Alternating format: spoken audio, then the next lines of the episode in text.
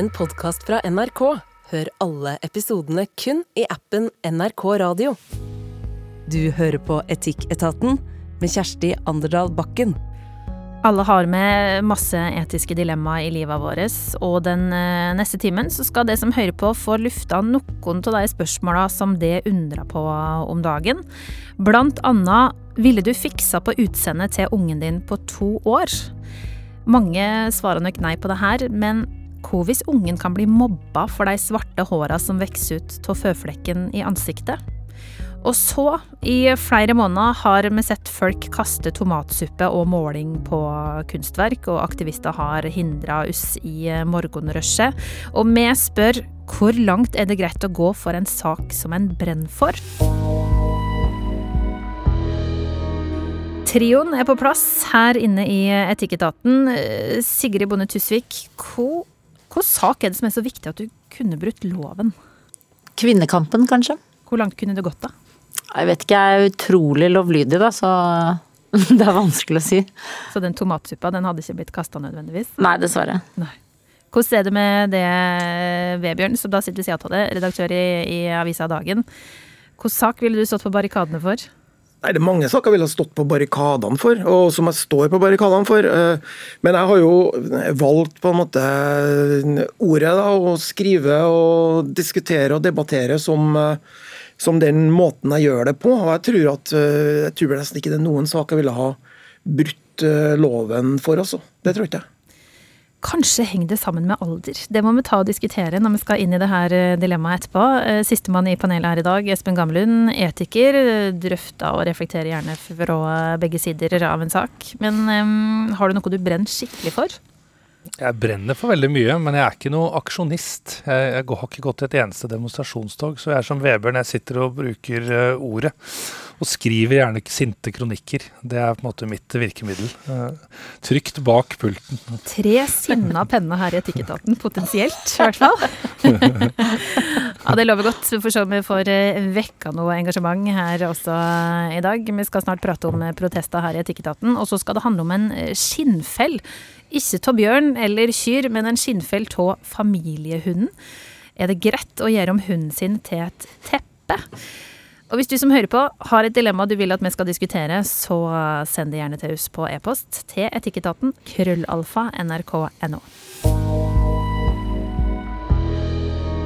Men først så skal vi til dilemmaet vi har fått inn fra ei mor som skriver Hei.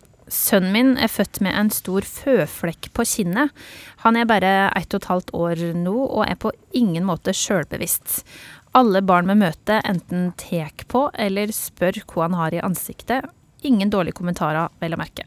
Jeg syns det er sjarmerende med et såpass eh, karakteristisk trekk, men jeg skjønner at det ikke blir mer gøy med åra for han. Legene foreslo å skjære den bort del for del når han er stor nok til å bestemme sjøl, og det er noe jeg vil at han skal avgjøre. Men nå har det begynt å vokse mørke hår ut av denne føflekken, og jeg er usikker på hva vi skal gjøre.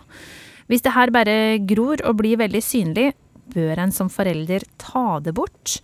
Det kjennes veldig feil å gjøre kosmetiske inngrep på barna sine, men det verst tenkelige er jo om man blir mobba for det, eller at andre unger syns det er ekkelt. Jeg har før tenkt at det er rart at foreldre åpna opp sine barns monobryn, f.eks., men eh, etter å ha blitt mor sjøl, så er en jo veldig redd for alt som er sårbart.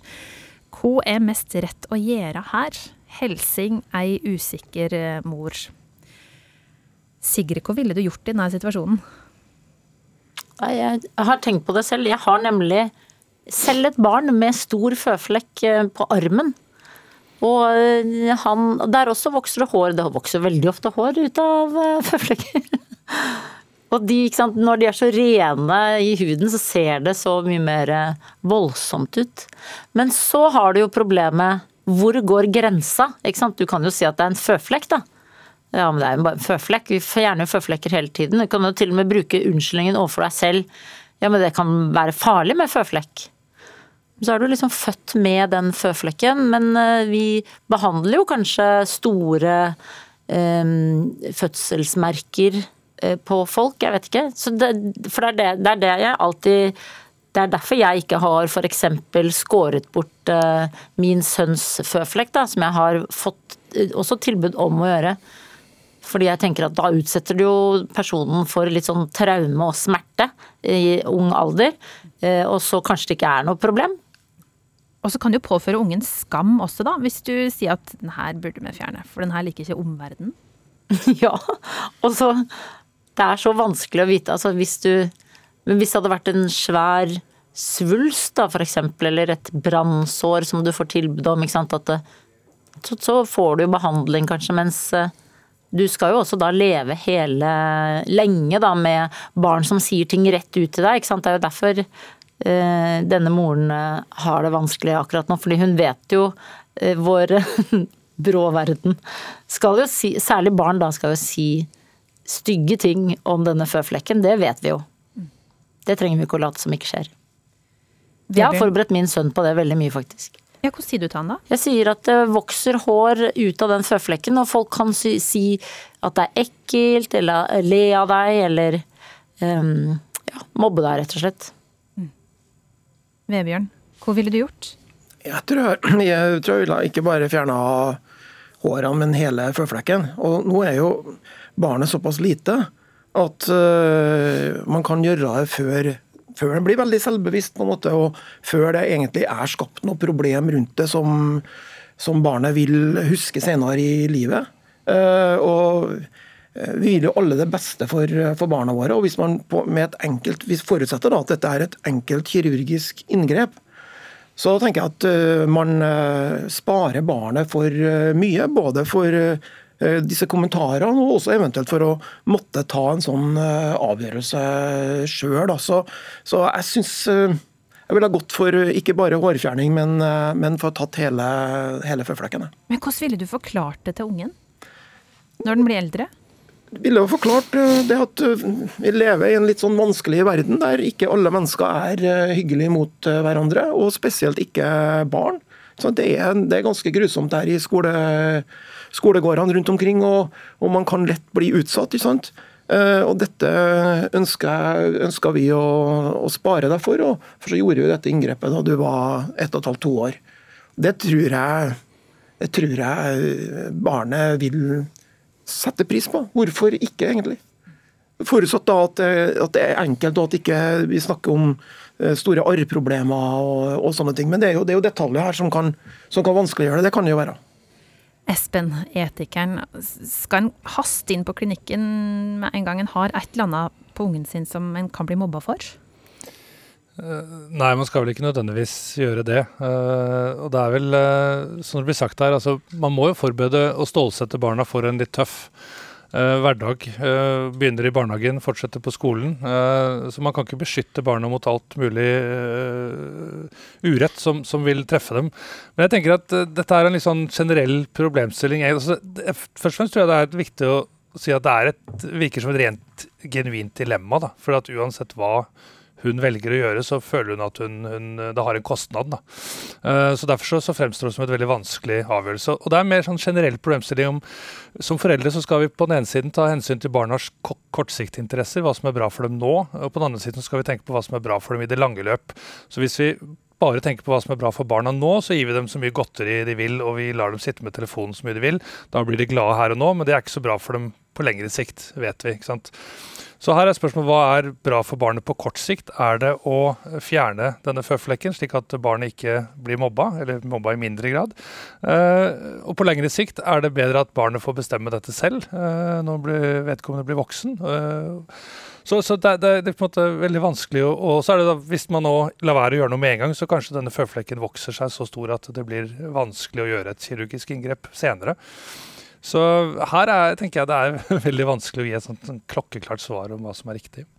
Ja, så kan jo arret bli eh, kanskje be, bedre med året. Altså, man må tenke litt på det òg, da. At det, det så er det mye verre å, å, være seks år og få ta Måtte kanskje gå på sykehuset enn når du er to, da. Ja, det, er, det, er, jo bedre å gro kjøtt dess mindre man eh, er, er det ikke da? Altså, nå er Min medisinske kompetanse veldig liten, men dette, dette mener jeg å ha hørt. da. Men samtidig er det ikke ganske rart og trist at vi liksom lever i en verden der vi eget, ikke sant? I, i, før i tiden hadde man ikke hatt uh, dette dilemmaet fordi det hadde ikke vært et alternativ. Ja, Da er du født med det, og det må du leve med. Det fins verre ting i livet. Du skal stå i ganske mye. Mens nå har vi jo liksom nå, nå, Både fordi det er lettere å gjøre, vi har midlene, vi lever i en veldig overfladisk tid. Vi, dette er jo veldig typisk det at vi har blitt veldig blinde for, for alt som handler om uh, hashtag kvinnehelse, som det nå heter. Eller da plastisk kirurgi og det å rette, rette på ting, da. Og det merker ikke sant? Er, kanskje for bare syv år siden så hadde vi jo alle tre bare sagt er du gal? Kan ikke fjerne noe du er født med? For det er ikke noen medisinske grunner, i hvert fall ikke sånn som det er nå, til å fjerne den. Det handler jo om skjønnhetsidealet, Espen, gjør det ikke det? Ja, og så handler det om at eh, vi har fått et trangere normalitetsbegrep. sånn at det er, eh, det er eh, skal ikke så veldig mye til før du, før du stikker deg ut. Og det er veldig, veldig kanskje viktigere for, for, stadig yngre barn å falle innenfor det som er normalt, og større belastning å falle utenfor. Uh, så, så, så, men det er klart, hvis det viser seg at denne føflekken er ondarta, så, så, forandrer jo selvfølgelig spørsmålet seg helt. Uh, jeg har jo selv uh, Min far døde av føflekkekreft, og jeg har selv fjernet føflekker i ung alder fordi rett og slett man var engstelig for at denne føflekken kunne by på problemer senere. Mm. så jeg har en viss sympati for den angsten for føflekker. ja. Mm. Ja, altså, jeg er veldig enig her i det som blir sagt om det normalitetsvinduet og alt dette her. og Det, det er klart et problem, og det er et samfunnsproblem og sånne ting. Men så er da spørsmålet her er jo skal vi la barna våre ta den kampen? Ikke sant? Altså, jeg mener, Vi kan gjøre det som voksne mennesker og ta et standpunkt at dette her vil du ikke gjøre noe med, og alt dette her, og vi skal, vi skal kjempe for det og utvide det her rommet. Men her er det snakk om valg vi tar for, for barna våre, som på en måte må stå i det at uh, det normalitetsvinduet er uh, og den korridoren er trangere. Ja, og, da, og at barnet vil si 'hvorfor gjorde dere ingenting'? ja, ikke sant. Så, her, så, så jeg mener Jeg har ikke villet latt barnet mitt kjempe den kampen, da. Men hvor går grensa for din del, Sigrid? Også utstikkende ører eller stor nese, monobryn? Ja, jeg syns alle må få lov til å gjøre det de trenger å gjøre.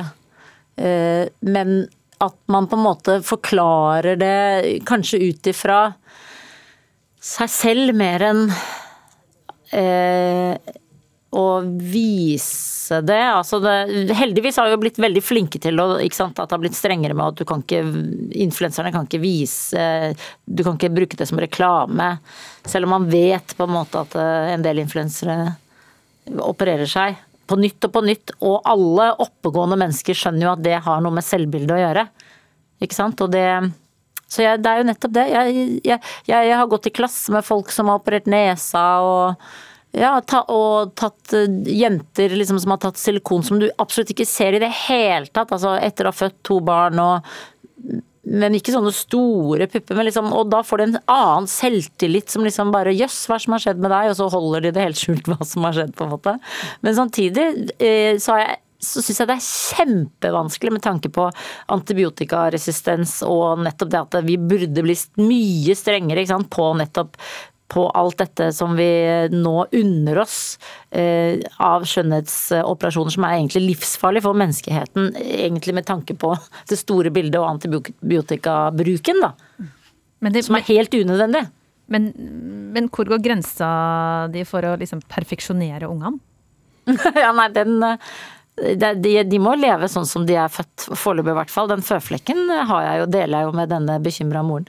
Så eh, han må da, ja, kanskje han skal få det i konfirmasjonspresang. ja. eh, Espen, du har også småunger. Hvor går din grense? Ja, jeg har tenkt litt på det, fordi jeg underviser studentene våre i, eh, i eh, genteknologi og, og bruk, bruk, av den teknologien for å hva skal vi si, eh, endre på egenskaper før barna blir født. Så hva er det slags endringer ville jeg gjort for barnet før det ble født? Jeg ville helt klart, Hvis jeg fant en sykdom, eller medfødt sykdom eh, som man kunne fjerne, så ville jeg selvfølgelig gjort det. Så jeg tror jeg ville gått ganske langt ja, for, å, for å sørge for at barnet mitt får et godt liv før det ble født. Og så tror jeg også jeg vil, de aller fleste foreldre strekker seg veldig langt etter at barnet er født, for at det skal få et så godt liv som mulig. Hvis vi kaster liksom aborttemaet inn i den, det panelet her, så tror jeg vi har det gående i ganske lang tid. Eh, så det tror jeg vi skal skippe akkurat nå. Men, eh, men Vebjørn, hva tror du Jesus eh, ville sagt med å tukle med skaperverket når det gjelder utseendet på småunger? Nei, altså, jeg er ikke så sikker på at han uh, har så sterke synspunkter på det. Altså, jeg syns det her blir en litt mer sånn Litt mer sånn uh, det, er jo et ilandsproblem, det, det må, vi, må, vi, si. Det, men vi er skapt i Guds bilde? Ja, da, absolutt. absolutt, Også av og til, men, uh, men det er liksom det er mer grunnleggende. Og så er det litt sånn skavanker og sånt som, som, det går an å rette på i vår tid. da, Og, og her er det Eh, her er det i ansiktet, veldig synlig. Eh, barnet er veldig lite. Og ja, jeg råder mammaen til å, til å eh, fjerne hårene, absolutt, men også gjerne hele føflekken. Jeg tror, det tror jeg hun, barnet hennes vil takke for noen år lenger ned i løypa her. Mm. Vi skal til neste dilemma med her i eh, Etikketaten, og det skal handle om å bryte loven for noe som kan bli sett på som enda viktigere. Protest er altså overskrifta nå, og gjengen her i Etikketaten er av den eh, engasjerte typen. Vebjørn Selbekk, redaktør i Dagen og en eh, gjenganger i ulike debattprogram. Eh, særlig hvis abort står på agendaen. Sigrid Bonde Tusvik har engasjert deg i den debatten du også, fra motsatt side. Og Espen Gamlund har skrevet kronikker om så mangt. Som etiker, blant annet står det bak overskrifta 'Etikken bør overlates til etikere'. Vi får håpe at du tillater andre gjester enn etikere som du sjøl er her i Etikketaten. Du godtar det, eller? Jeg, jeg godtar det. Jeg, ja, et unntak. Ja, ja. ja, Veit å provosere, det er fint. Eh, nå skal det altså handle om hvor langt er det greit å gå for en sak en brenner for. Er det greit å kaste gul måling på monolitten, eller sette seg midt i veien og stoppe Mørgo-rushet?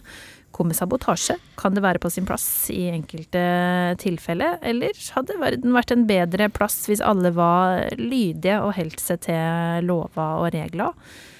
Vebjørn, hva syns du om at eh, Van Gogh sitt solsikkebilde fikk eh, tomatsuppe på seg? Ja, Det syns jeg er en hærverk, rett og slett. Det er på en måte ingen, uh, uansett hvor sterke meninger og hvor engasjert man er, så er det ingen unnskyldning for å angripe noe som er kulturarven vår, noe som, som vi alle holder veldig høyt.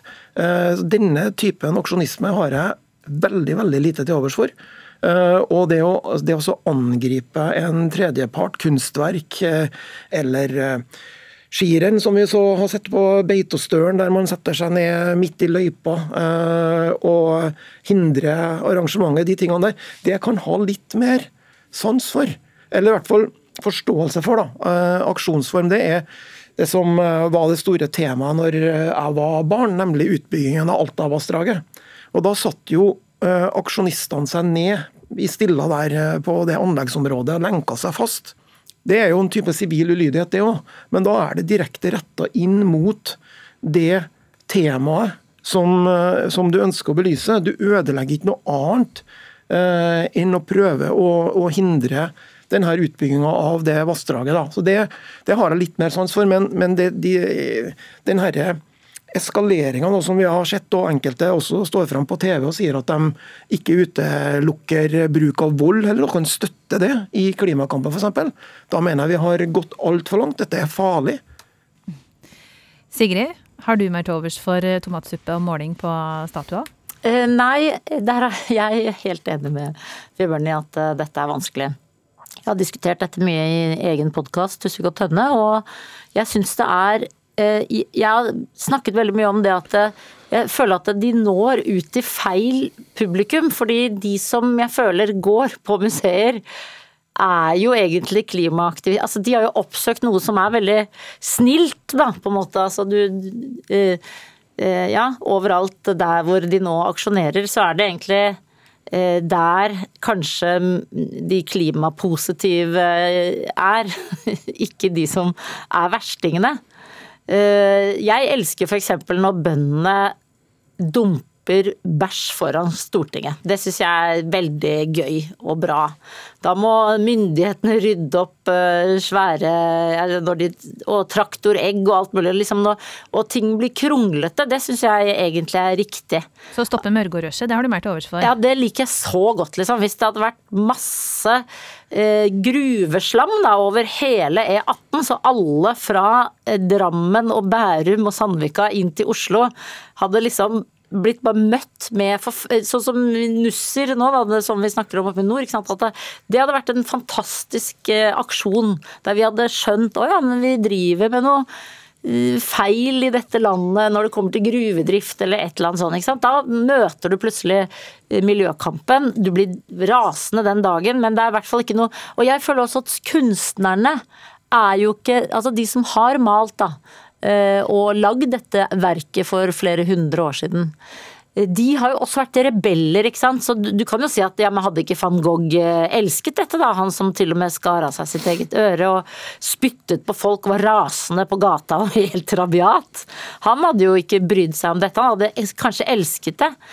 Men jeg tror at du får jo da mye mer innsnevring, ikke sant. Det er jo litt som eh, etter 9-11 eh, at du må vise fremdeles bagen din og ta av deg skoene og klokka og beltet eh, på alle de rareste små flyplasser rundt omkring i verden.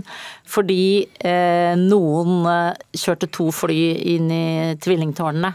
Eh, og den følgen du fikk i verden da, som er helt sånn som er ganske komisk når du står der med de der lappene de driver og uh, tar på hendene dine og sjekker om du har med deg noe. Altså det er, det er sånn, alltid sånne rare følger av noe, og det tror jeg er den kjedelige følgen på dette, er at det er det er vanskeligere å gå på museum, folk blir liksom Altså du er ikke så fri som menneske, og akkurat de menneskene som, som dette går utover, det er feil mennesker det går utover, da. Er det der den etiske grensa går også, Espen? Ved hærverk, eller? Hærverk er jo vanskelig å forsvare, uh, tenker jeg. Uh, og når det på en måte ikke har noen sammenheng Det hærverket du begår har ingen sammenheng med den saken du kjemper for, så er det jo ekstra problematisk. Uh, men, men, til på en måte det, som, det siste spørsmålet ditt, liksom, skal vi være lydige? Nei, vi skal ikke være lydige. Så lydighet er jo en kjempetrussel for et velfungerende demokrati. Så vi må ha opprør og motstand og protest når politikerne drar samfunnet i gæren retning eller vedtar politikk og lover som er, er problematiske. Så er spørsmålet hvilke virkemidler er som er egna til å nå de målene du har. da, ikke sant? Og så jeg tenker Veldig mange av de, de klimaaktivistene det er veldig lett å forstå hvor sinne, raseriet, frustrasjonen kommer fra. Uh, de har uh, kjempet en langvarig kamp nå for å overbevise politikerne at de må slutte å bore etter olje, ta klimakampen på alvor. Men hvordan skal de få fram budskapet sitt? Uh, og da veit jeg ikke om det å, å kaste maling eh, eller tomatsuppe på kunstverk er liksom eh, greia.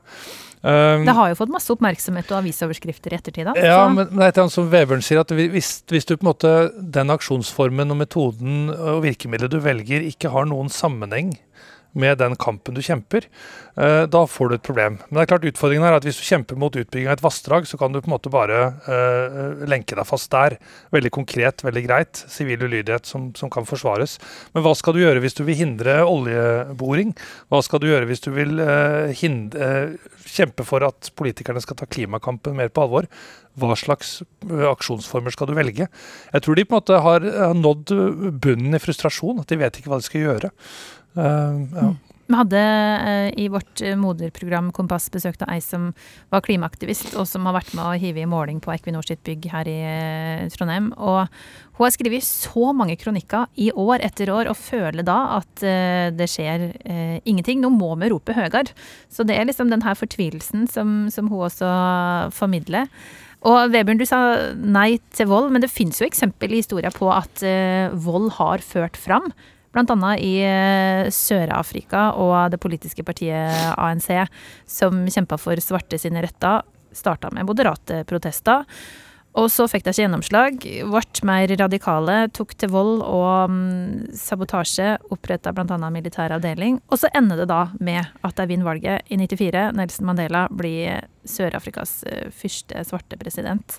Men, men, men altså, jeg må protestere litt på historieskrivningen her. Jeg vil ikke si at det var den væpna kampen til ANC som, som velta, som velta rasistregimet i, i Sør-Afrika. Der var det jo Det var jo Nelson Mandelas på en måte ikke-voldslinje og sterke eh, personlige, moralske figur. Altså, det, var jo, det, var jo, det, var jo, de kreftene, mener jeg, som velta det regimet, og ikke, ikke volden. Og du har jo, du har jo flere eksempler på hvordan ikke-vold har, har ført til endringer. Eh, raseskillepolitikken i, i, eh, i USA, bl.a. Gandhi er jo et kjempeeksempel. Sånn eh, men så har du jo selvfølgelig masse revolusjoner og, og sånt òg, så kan man diskutere har det har det vært bra? I visse tilfeller har det vært det. Andre tilfeller har det enda i voldsorgier uavbrutte. Så, så, dette er et dilemma. Altså. Jeg, tror, jeg tror det at vi må ha en grunnleggende tro på demokratiet. Grunnleggende tro på å sitte sammen og snakke og løse problemer på den måten uten å, å ty til vold. For meg i hvert fall er det et veldig, veldig viktig prinsipp. Altså, etisk så kan man forsvare absolutt alt mellom himmel og jord. Uh, så, så, det går an. hvis Noen vil tenke at hvis nytteverdien er stor nok, så kan det forsvares med at noen påfører skade eller, eller mister livet. Jeg tenker ikke nødvendigvis sånn. men jeg tenker at klimakampen så Greta Thunberg er jo et eksempel på en som har på en startet en bevegelse. Det, er en bedre måte å tenke på.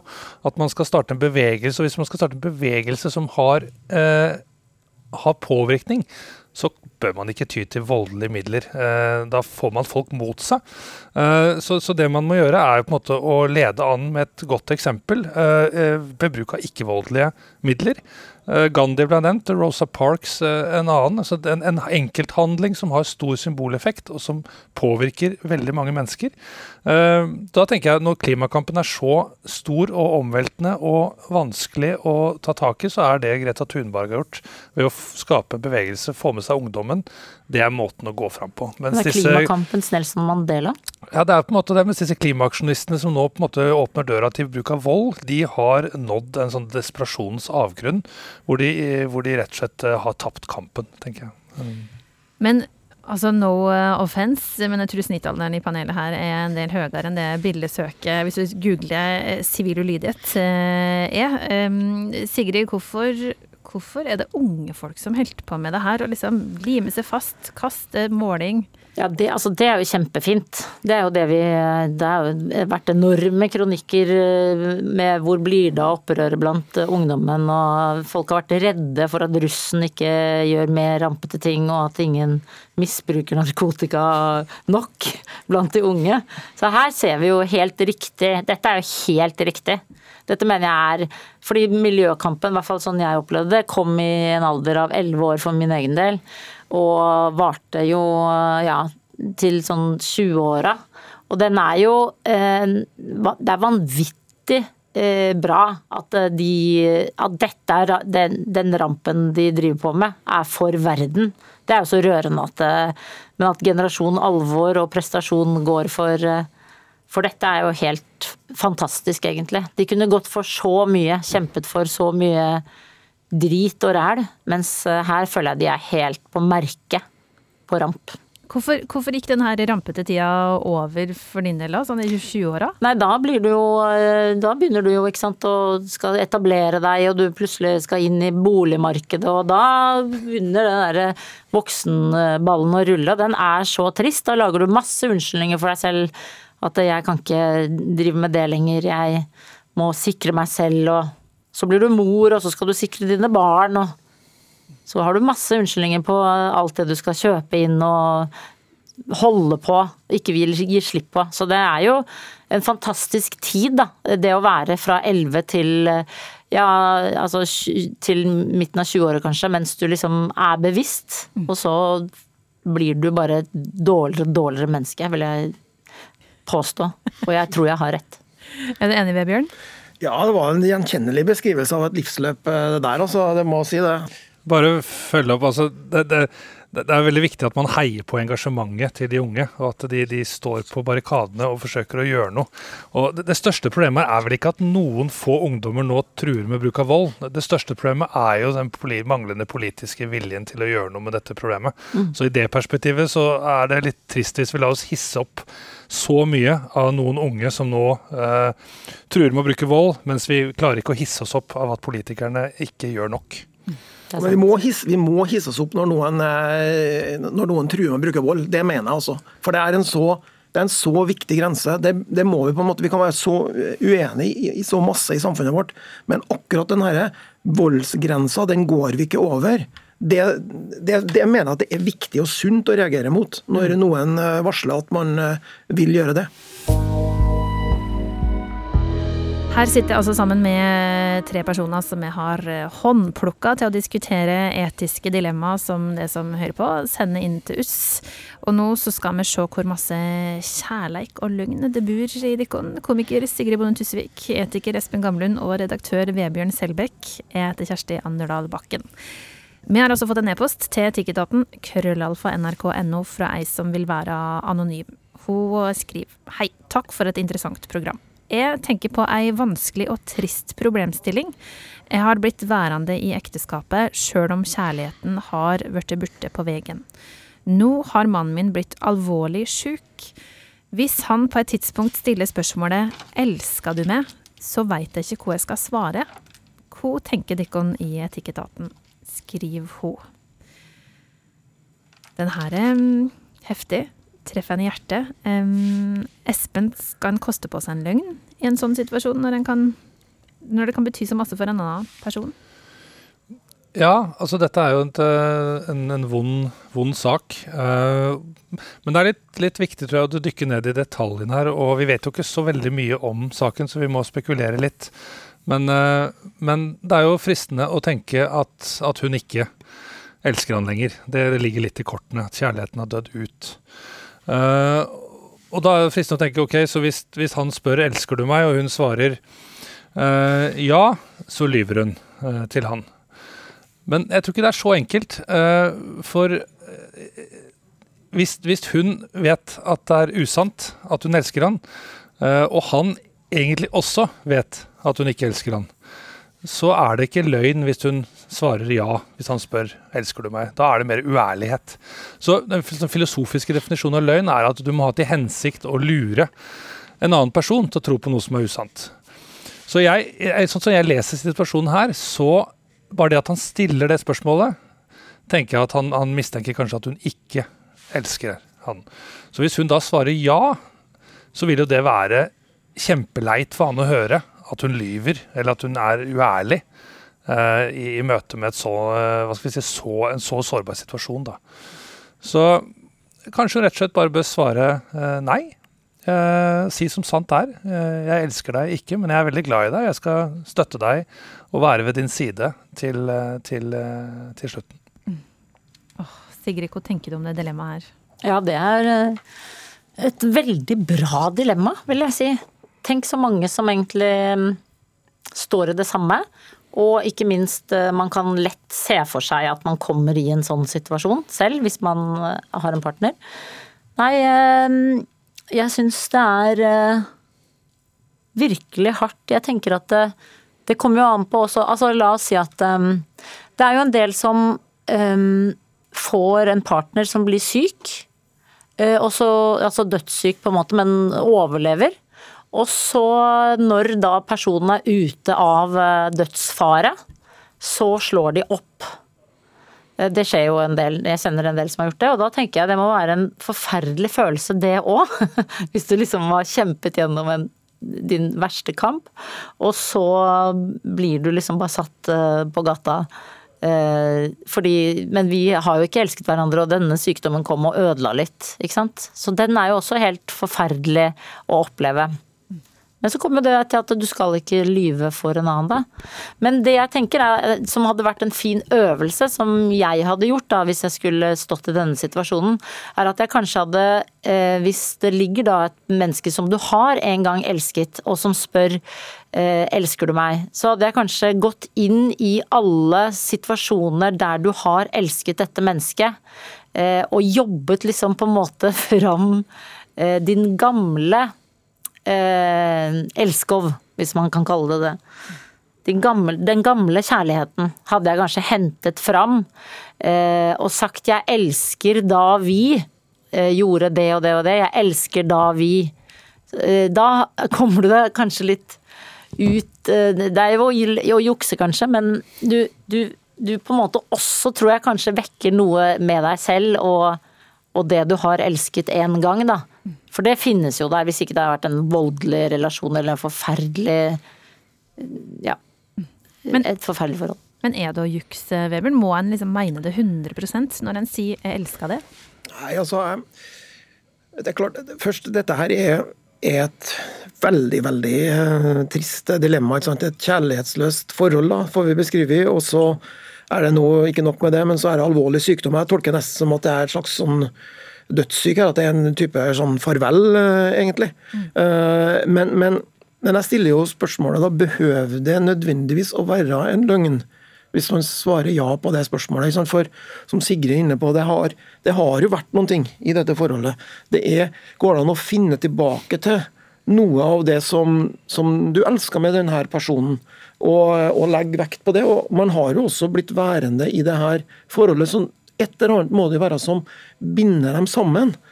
Og i en så, i en så alvorlig situasjon, hvis det, hvis det er snakk om en avskjedssituasjon, alvorlig, kanskje livstruende sykdom, så, så mener jeg at det, det, det må være min anbefaling. altså Prøve å finne tilbake til noe av det som, som var der, og bruke det som utgangspunktet for, for svaret. Og at uh, man kan sendes inn i den eh, fasen, eh, videre fasen i sykdommen, eventuelt mot, mot en avslutning av livet, med, med, en, med noe positivt, med, med, en, med, en, med en dose kjærlighet fra en person som, eh, som du i hvert fall tidligere har, eh, har elska. Det, det er mitt råd. Og så er det jo i gode og onde dager. Og jeg føler jo at eh, de onde dagene er lettere og lettere å hoppe ut av da, i livet. Og jeg eh, er jo veldig fan av at du husker på at gresset ofte ikke er grønnere på den andre siden. Hvis du har litt livserfaring, så vet du jo det. Espen, hvor raus er du med deg orda sjøl? Der traff du en uh, et sårt punkt. Jeg, jeg er ikke så veldig raus med de ordene selv. Jeg må innrømme at For meg sitter det veldig langt inne å si de, si de ordene. Så hvis du spør mine barn eller min samboer, så har ikke de hørt det så veldig ofte. De hører 'glad i'. Uh, Jeg skiller litt, litt der. Um, så, så det, kanskje det farger litt også min inngangsport til det. men men samtidig så tenker jeg at det, er, det, er, det spørsmålet der, det avkrever ærlighet, altså. Det, det spørsmålet der, da skal du svare ærlig. Og da tenker jeg, hvis det spørsmålet Bare det at spørsmålet kommer, tenker jeg er, kan være uttrykk for en, en mistenksomhet, eh, en usikkerhet på om hun elsker han. Og det å være uærlig da, det er å legge sten til byrden. Eh, Det er, da, er fallhøyden stor for at du gjør ganske stor skade på han eh, ved, ved da å, å være uærlig.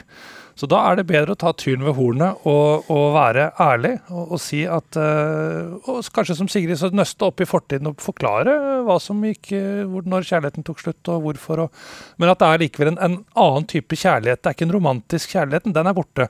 Men det er en annen kjærlighet som er igjen der. Og det er den kjærligheten som gjør at han kommer til å stille opp for henne. At hun kommer til å stille opp for han uh, til, til han går bort. Og det er kanskje det han trenger å høre. Sigrid, hvor raus er du med å si 'jeg elska det'? Jeg slenger det rundt overalt. Jeg elsker og hater veldig mye, så jeg har veldig lett for å si jeg elsker, eh, elsker deg. Men jeg, jeg er veldig rask også. Hvis noen spør elsker du meg, så er jeg jo Tenker jeg jo ofte ikke Jeg vet ikke, sier jeg ofte da, hvis jeg blir konfrontert. Ja, så du sier det ikke når du ikke mener det? Nei, det gjør jeg ikke. Jeg er veldig opptatt av ærlighet. Men fins det noen eh, erstatter da, som kan på en måte bli akseptert i å ha den som sier 'jeg elska det', og så sier du noe tilbake? Eller fins det ikke noe liksom fullgodt svar? Ja, da Jeg tror at det da Det er jo veldig hardt å måtte si noe hardt tilbake til noen som faktisk åpner hjertet så voldsomt og sier 'jeg elsker deg', da. For hvis du svarer 'jeg er glad i det også', Ja, den er, den er, den er slem. ja, det Men er slemt. Men det er et ganske interessant filosofisk spørsmål. Når kan du vite at du elsker et annet menneske? Mm. Ikke sant? Når er det du vet det? Eh, det er ikke så åpenbart at det er sånn enten-eller. Uh, og så kan man jo alltid huske å takke, syns jeg da. Det er jo mye finere på en måte, nesten. Enn eh, å prøve å si 'jeg elsker deg' tilbake når du ikke mener det. Så er det hundre ganger finere å takke og si 'tusen takk for at du elsker meg'. Det, det blir jeg skikkelig glad for å høre. Og det tror jeg de som tør å si 'jeg elsker deg' også blir glad for å høre, mer enn at en svarer 'jeg elsker deg' med sånn at du bare hører at 'oi, oi, oi, dette var absolutt ikke Gjengjeldelse. Den, den, kjøper jeg ikke. Nei, Nei, så da hadde jeg mye heller bare takket. Mm. Takk er eh, undervurdert. Når veit du at jeg elsker en person, Vebjørn? Får du det store spørsmålet? Ja, det, det er nesten litt metafysisk der. Men, eh, men eh, nei, altså det, det det handler, jo, det handler jo også litt om et valg, da. For, for, for min del. Så, altså, det er Eh, at man man sa i gode, onde dager. Det, det gjorde vi, kona og jeg, tilbake i 1988. Så, så eh, og da, den gangen, så, For min del ser det sånn at da gjorde jeg et valg. Dette er en person som jeg skal elske, ære og bli hos, som vi lovte kirka. Uh, I gode og onde dager, inntil døden skiller oss ad. Det er veldig store ord, da. Så da er det jo et, det er jo et element av valg i det òg. Og For min del så er det de, de her ordene, eh, akkurat det her uttrykket elsker deg', det er nok forbeholdt eh, kona, da. Eh, men, men ellers så er vi i familien vår veldig rause med å si at vi er glad i hverandre. Og det har vokst opp i en, i en heim også der, der det var så naturlig. og og jeg ble overøst med det i min barndom, og overøser eh, mine barn med det, og nå barnebarnet som har kommet. og Det tror jeg er med på å skape en sånn Det gjorde det for meg da jeg var barn. Skape en sånn trygghet. Er, det er noen som er veldig glad i meg, og, og, som vil alltid være der for meg. Og alt sånne ting, og det tror jeg er viktig å det tenker jeg det skal jeg gi videre til, til nå, både én generasjon og to generasjoner for min del. Mm. Men elske? Den sitter lenger inne? Ja, for meg handler jo det altså Ordet 'elske', da er det, da er det jo både en type altså, Da er vi nesten inne på den erotiske kjærligheten òg, for min del, altså. Når du bruker akkurat de, de ordene. Det, det, er litt forbeholdt en annen type relasjon enn eh, det med, enn det med å være glad i. Jeg tenker at glad i er undervurdert. Altså På engelsk så har man jo I love you som kanskje dekker begge to. Men jeg syns det er Vi ser oss litt blinde på at, eh, at eh, dette 'elske' er som det hederste ordet, det, det øverste du kan si. Men, men, jeg tenker at vi trenger ikke å si det i det hele tatt. Hvis vi sier uh, 'er glad i' eller, eller har omsorg, uh, bryr oss om hverandre, tar vare på hverandre. Mm. Det er mye viktigere enn at man sier det uh, ordet. I det siste dilemmaet her i Etikketaten i dag så skal det handle om et um, gulvteppe. Det skal vi til nå, laga av hele familiens eh, døde hund. Utrolig usmooth overgang fra det røffe dilemmaet man hadde fått inn fra en eh, anonym innsender, og til en eh, nyhetssak fra Australia. En død hund fikk nytt liv. Espen Gamlund, har du hund? Jeg hadde hun, en, en, golden retriever som ble nesten tolv år, og som vi avlivet i mai i år. For da ble hun veldig, veldig alvorlig syk. Mm. Vebjørn Selbekk, har du hund? Nei, jeg har ikke hund, men broren min har en, eh, en, mops som har blitt adoptert av hele familien. Den heter Edgar. Jeg er oppkalt etter Per Edgar Kokkvold. I hvert fall så har jeg gjort det, men ikke alle er enig i det. Men, eh, men det er en helt nydelig liten, eh, liten hund som, som har sånn der uttrykksfullt ansikt. Han ser litt sånn smålidende ut hele tida. Og hvem er Kokkvold, for deg som ikke vet det? Per Erik Kokkvold er tidligere generalsekretær i Norsk Presseforbund og en bauta i norsk presse. Har den noe fellestrekk? Eh, ikke annet enn navnet. Okay. Eh, Sigrid Bonde Tusvik, har du hund? Eh, ja, jeg har en dansk-svensk gårdshund som er ett år. Og så hadde jeg katt i 18 år som vi behandlet som et familiemedlem i familien hele barndommen. Så mm, eh, Men, og vi har, vi har nå begynt med denne hunden som nå et eh, som hovedperson i familien, selvfølgelig. Ja. Selvfølgelig. Sånn blir det fort. Um, nå skal man altså til saken 'Familien sin firbeinte venn vart koseteppe'. Det er Dagbladet som skriver om det her. En familie i Australia stoppa nemlig ut den døde familiehunden sin. Eh, På Instagram så kan vi se det som nå har blitt et eh, skinnteppe med eh, klør og hue og alt. Det ser nesten ut som den her golden retrieveren bare ligger der og sover. Um, jeg tenkte jeg skulle vise dere bildet her. Hvordan, Så veldig kan du ikke skildre hvordan det ser ut, eh, Sigrid? Jo, den var veldig flat, men det er jo fordi du Fordi de har laget den som teppe og ikke som um, utstoppa hund, selvfølgelig, så da Den er jo Den ser ut som et sånn slitt saueteppe som har ligget mye ute på verandaen også gjennom vinterhalvåret. Ja. Litt sånn punktert hund på et eller annet litt makabert vis. Ja, nedsunket hund. Ja. Ja. Ikke sant? Altså, det her bildet har skapt uh, så mye diskusjon i sosiale medier. Men uh, hva tenker panelet? Er det greit å stoppe ut sin beste venn? Um, kunne du gitt uh, hunden din, Sigrid, et eh, evig liv i form av et eh, gulvteppe? Absolutt. Ja. Jeg har vokst opp med katteskinn foran peisen. Som eh, bestefaren min hadde vel den katten. Så, men den har ikke hode. Og så har jeg også Ja, bestefar skøyt rev på hytta. Han drev og flådde noe rev så, som mamma ofte har gått rundt med da på tull mest sånn på fest, liksom. Der er det poter og klør og værhår og snute og og jeg syns det er absolutt helt riktig å ha, ha sine gamle husdyr liggende rundt. Og vi har jo hatt det veldig moro med katteskinnet foran peisen. Lurt folk til å tro at det var vår eh, gamle katt. Um, og vi sier det ofte til barna for å bare Ja, det er den gamle katten. Ja, men var ikke den svart? Jo, men så ble den skogskontakt når den døde. Altså, det er bare veldig gøy å ha For det er jo utrolig koselig med pels.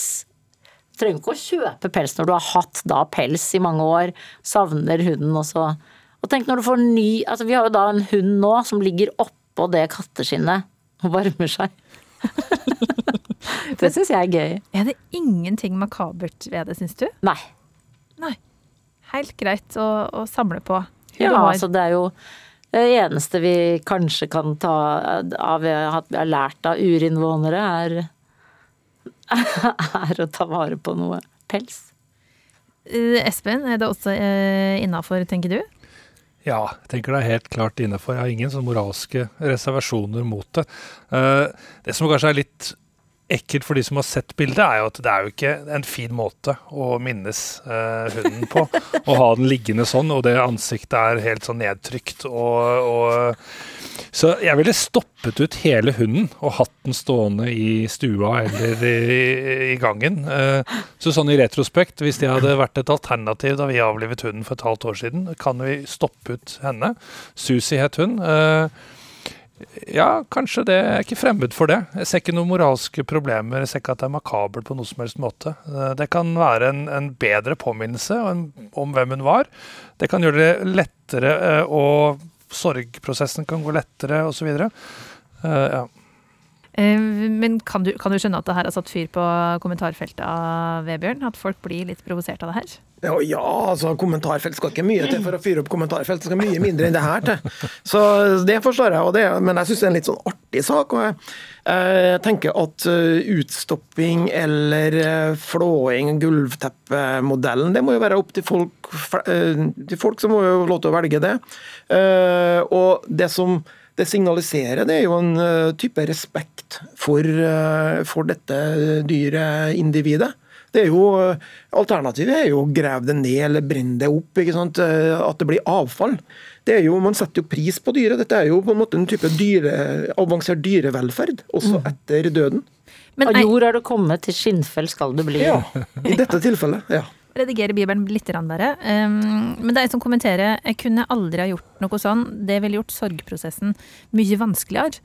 Um, er, det, er det å utsette å ta farvel med, med familiehunden, Sigrid?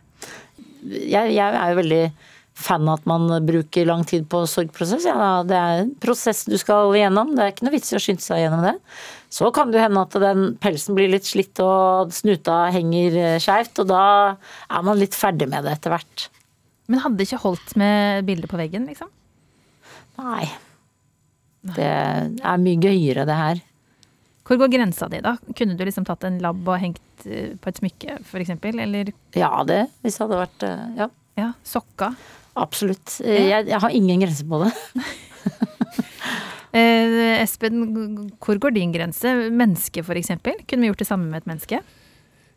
Ja, hvorfor ikke? Altså, det er rart at vår kultur så er vi Vi aksepterer at vi brenner liket. Vi aksepterer at vi graver det ned under bakken og lar det råtne. Det er veldig mye rart vi aksepterer, eh, men det å ta vare på skinnfellen, det vekker folks moralske avsky. Det er litt, litt pussig. Jeg kan ta et eksempel med en, en kjent uh, britisk filosof som heter Jeremy Bentham. Han uh, var utilitarist, som betyr at han var opptatt av at, uh, at det som var rett og galt, det avhenger av hva som blir konsekvensene. Som var opptatt av å gjøre mest mulig godt i verden. da.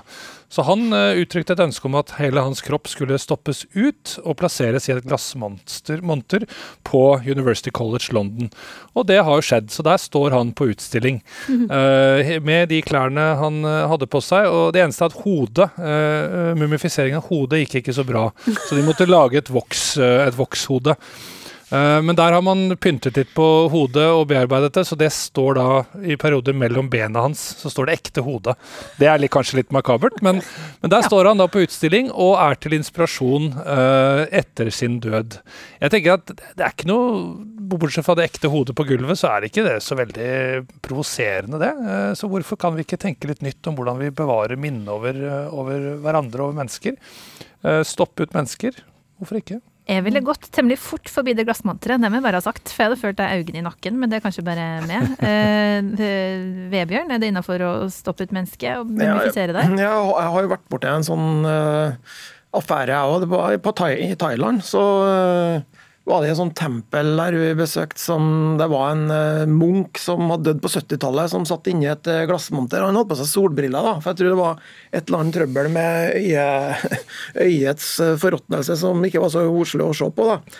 Men jeg blir ikke så veldig inspirert, jeg da, det må jeg si. Uh, selv om det skulle være til inspirasjon og velsignelse. Så jeg, jeg har nok litt kjøligere forhold til akkurat det der. Jeg tror, og For meg er det veldig stor forskjell på mennesker og dyr der. sant? Vi kan gjøre mange ting med med, med dyr, men når det gjelder mennesker og den behandlinga etter døden, så, så er jeg nok mer eh, tradisjonell. Da tror jeg det er godt å finne ei kiste og ta farvel, og så senker vi den kista ned under jorda, og så legger vi jord på der. Det mm, utstopping, eh, mumifisering, alt dette her. det det blir veldig fremmed for meg når det gjelder, eh, når det gjelder mennesker. Altså, det har med, for meg har det med menneskeverdet å, å, gjøre, og den store forskjellen som det er på, på mennesket og det øvrige skaperverket. Da. Det tar jo mye plass òg, selvfølgelig, hvis alle skal ha monter. Eh, så det er jo lønnsomt at menneskedyret syns det er greit å kremeres eller begraves sånn for naturens del. Men hvorfor har den ikke samme respekten for, for dyr? Hvorfor har ikke de samme verd, eh, Vebjørn? Nei, for, for, meg så, så, for meg handler jo det om verdisynet mitt, og, som er fundert i, i, det, i den kristne tro, da, for meg. Eh, både synet på, på forskjellen mellom mennesker og dyr, og synet på, på, på døden. Det er, det er, Grunnen til at man begraver en kristen tradisjon, er jo for at vi tror på en eh, oppstandelse fra de døde. Og Sånn sett så er det jo et menneskeverd også etter døden. Og ta vare på, på å gi det en verdig avslutning. for at man i kristen tro så tror vi ikke at dette her er slutten. Det, at det, vi tror det kommer noe mer, mer, etterpå. Det betyr ikke at man, skal, at man skal behandle dyr dårlig. og Der er det jo, er det jo sånn at, at, hvis du går tusen, noen tusen år tilbake, da det, da det gamle testamentet ble skrevet, f.eks., så var jo det en var jo det en revolusjon når det gjaldt synet på dyr og dyrs verdi og behandlinga av dyr. Så i den jødisk-kristne tradisjonen så, så, så, handler jo dette her om en respekt for skaperverket. At alt er skapt. Vi skal ha respekt for naturen, skal ha respekt for, for dyrelivet og alt dette her. Det, det, er veldig, veldig viktig. Men det er også viktig at det er et, det er et skille der mellom, mellom, mennesker og dyr, og at mennesker har en større verdi enn dyr. Det, det, er, det er, også en, en, grunnleggende ting i, i den jødisk-kristne filosofien og, og, og tenkninga som har prega det vestlige samfunnet, og som vi også i en etterkristen og mer sekulær tid fortsatt uh, ser sporene av. Det er jo derfor vi behandler mennesker annerledes enn dyr, pga. At denne, denne typen ideologi har prega oss over så lang tid. Men sånn som hunden til Sigrid, da, midtpunktet i familien. Eh, begynner ikke å nærme seg mennesket da, når en blir så glad i et dyr? Man må, må, altså, selvfølgelig skal være glad i dyr. De er jo fantastiske. Uh, men vi, vi sørger jo ikke like mye, forhåpentligvis, da, Eh, over eh, når et, når et, dyr går bort som når et menneske gjør det. Selv om det, selv om det er leit, det òg, når man mister familiehunden eller, eller, noe sånt. Det må vi rette til Espen, som akkurat har vært gjennom det her. Ja, jeg kan ta egentlig en enda eldre episode. Vi måtte også avlive en eh, golden retriever da jeg var barn. Og jeg er vel et eksempel på en som gråt vesentlig mer når min, vi avlivet min, vår hund, enn da min mormor døde. Jeg er ikke mm. spesielt stolt av å si det, men, men det er på en måte bare en rapport av hvordan hvilke følelser og hvilke reaksjoner det jeg hadde. Jeg gråt ikke så veldig mye min, da min mormor døde, hun ble jo gammel. Uh, men jeg gråt fryktelig da vi måtte avlive golden retrieveren i en alder av fire år. Mm. Um, men jeg tenker at det, det jødisk-kristne, uh, hva skal vi si, det antroposentriske men, uh, verdenssynet da, som setter mennesket over dyr, det har gjort veldig mye for å, for å forårsake måten vi behandler dyr på i dag. Så, så det har gjort mye skade. Uh, men det er ikke en sånn automatikk i at, at uh, det at bare at mennesket er skapt i Guds bilde, skal gjøre at mennesket skal herske over over dyrene. Det, man kan også tolke en sånn forvaltertolkning, at alt det Gud så var godt, det har mennesket eh, ansvar for og har plikter overfor. Eh, så jeg er vel eh, tilhenger av å heve dyrs status uten nødvendigvis å senke menneskets status. Og det er veldig mye som kan gjøres for å bedre dyrevelferd uten at det går på bekostning av menneskets velferd. Da får vi se da om det blir et uh, teppet og hund på gulvet til den gjengen her uh, etter kort. Tror sjøl jeg helt meg til barbert sau, for å være helt uh, ærlig. Eh, men Vebjørn Selbekk, redaktør i Dagen, komiker Sigrid Bonde Tusvik og etikeren og uh, hundevennen Espen Gamlund. Veldig fint å ha dere her i Etikketaten eh, i dag. Nå skal vi ta og låse og lukke for denne uka, og så er vi tilbake om ei uke igjen. Og vil gjerne ha tips om dilemma. Etikketaten krøllalfa nrk.no er altså e-postadressa vår hvis du vil gi oss et tips. Kjersti Anderdal Bakken heter altså jeg, og husk at du alltid kan høre andre episoder av Etikketaten i appen NRK Radio. Du har hørt en podkast fra NRK. Hør alle episodene kun i appen NRK Radio.